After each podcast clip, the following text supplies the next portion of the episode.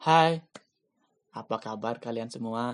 Semoga hari kalian sekarang menyenangkan dan kalian semua diberikan kesehatan. Karena kita tidak bisa membeli kesehatan dan kesenangan itu. Izinkan aku memperkenalkan diri. Namaku Imade Deva Adisa Putra, biasa dipanggil Deva. Umurku saat ini 19 tahun. Di sini adalah kali kedua aku membuat podcast. Jadi, aku sangat membutuhkan kritik dan saran dari kalian agar aku bisa membuat podcast yang lebih baik dan lebih menyenangkan di lain waktu. Jadi, di sini aku akan menceritakan sedikit tentang dampak pandemi virus di Bali khususnya sebagai ujung tombak pariwisata. Sekarang karyawan yang bekerja di pariwisata khususnya sangat merasakan virus dampak virus pandemi ini karena sebagian besar dari mereka kehilangan mata pencariannya dan yang mempunyai tempat-tempat wisata-wisata tersebut pasti merasakan juga. Jadi kita di sinilah dituntut untuk mencari nafkah atau mencari makan tanpa mengandalkan ekonomi. Di sinilah kita diuji untuk pintar-pintar memutar otak bagaimana caranya kita menghasilkan uang tanpa kita mengandalkan pariwisata tersebut. Dan juga bagi pelajar pasti juga merasakan dampak dari virus pandemi ini. Semua pelajar di Indonesia khususnya yang saya ketahui sekarang sedang melakukan pembelajaran online karena kita semua tidak diperbolehkan untuk melakukan kegiatan tatap muka. Jika kita melakukan kegiatan tersebut, bisa jadi di sana tempat penyebaran virus COVID-19 ini. Jadi, pastinya dari kalian ada yang merasa kuliah atau sekolah online ini tidak bisa berjalan efektif seperti kuliah tatap muka. Jadi, kita harus kembali berdoa dan kita harus sadar diri untuk menerapkan protokol-protokol yang sudah dibuat oleh pemerintah kita. Jika bukan kita, siapa lagi yang ingin atau siapa lagi yang bisa menjalankan protokol-protokol ini? Karena ini untuk kesehatan kalian dan orang lain. Jadi, jika kalian keluar rumah, ingatlah kalian harus menggunakan masker. Tidak menghitung jarak yang akan kalian tempuh keluar itu dekat maupun jauh, kita harus menggunakan masker karena kita tidak mengetahui dan kita tidak dapat melihat virus COVID-19 ini. Jadi ini adalah untuk kesehatan diri kita sendiri dan kita bisa menjaga keluarga kita atau saudara kita agar terhindar dari virus COVID-19 ini. Dan bila Anda harus menaiki kendaraan umum seperti bus, angkot, dan lain-lain, ingatlah anda harus menjaga jarak minimal 1 meter dan jika kalian habis berjabat tangan atau salaman, ingatlah kalian harus menggunakan hand sanitizer karena itu dapat membunuh membunuh bakteri-bakteri yang melekat di tangan kita.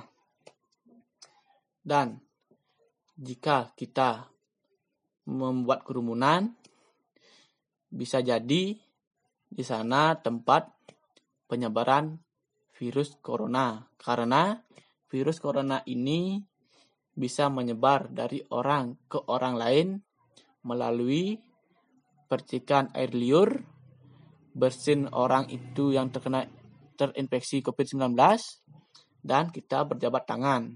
Jadi, hindarilah berjabat tangan dengan orang yang tidak kita tidak ketahui. Jika kita harus berjabat tangan, tetaplah sehabis berjabat tangan itu kita menggunakan hand sanitizer dan kita harus memakai masker. Dan ini gejala-gejala yang dapat kita rasakan jika kita terinfeksi virus COVID-19 ini. Yang pertama, kalian akan merasa kelelahan yang sangat-sangat lelah. Kalian akan merasakan demam yang tinggi. Kalian akan flu dan kalian akan kehilangan indera penciuman. Jika kalian memiliki penyakit-penyakit di atas itu.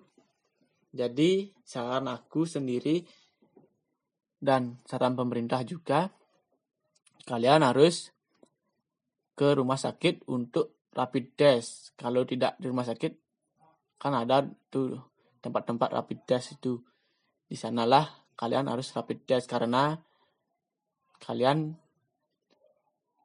harus menjaga kesehatan dan ini juga untuk kesehatan orang lain karena virus ini cepat bisa menyebar.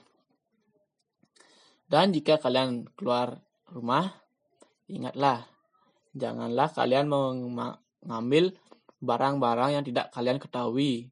Karena kita juga semua tidak mengetahui bentuk dari COVID-19 itu. Jadi, siapa tahu saja di barang-barang itu bisa melekat virus-virus tersebut.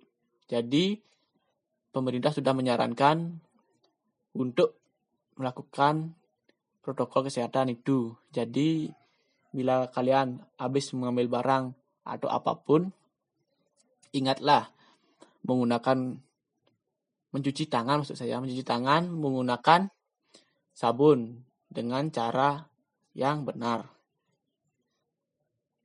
jika bukan kita yang memutus rantai COVID ini, maka kita suruh siapa lagi. Jadi kita semua ini bisa memutus rantai COVID ini jika kita semua memiliki kesadaran-kesadaran untuk tidak melakukan kegiatan-kegiatan yang tidak perlu. Contohnya, kita mengadakan pesta. Di sana kita bisa bertemu siapa saja.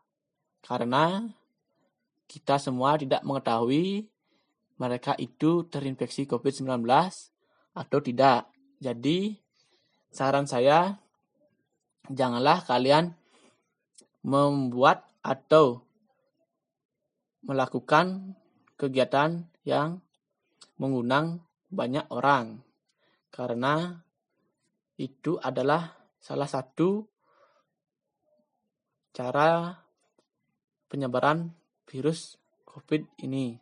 Dan jika kalian sangat perlu untuk melakukan kegiatan itu, ingatlah kalian harus menjaga jarak minimal 1 meter, kalian harus menggunakan masker, dan kalian harus mencuci tangan memakai sabun. Segitu saja yang dapat saya jelaskan. Dan bagi kalian di sini pasti sudah memahami semua itu. Dan bagi kalian yang sudah senior-senior aku minta masukan dari kalian dan saran agar aku bisa membuat podcast yang lebih bagus dan lebih baik ke depannya. Sekian podcast dari aku. Bila ada salah tutur dan kata, Aku ucapkan maaf sebesar-besarnya. Terima kasih kalian sudah mendengarkan podcast aku ini. Semoga kita bisa bertemu di lain waktu. Terima kasih.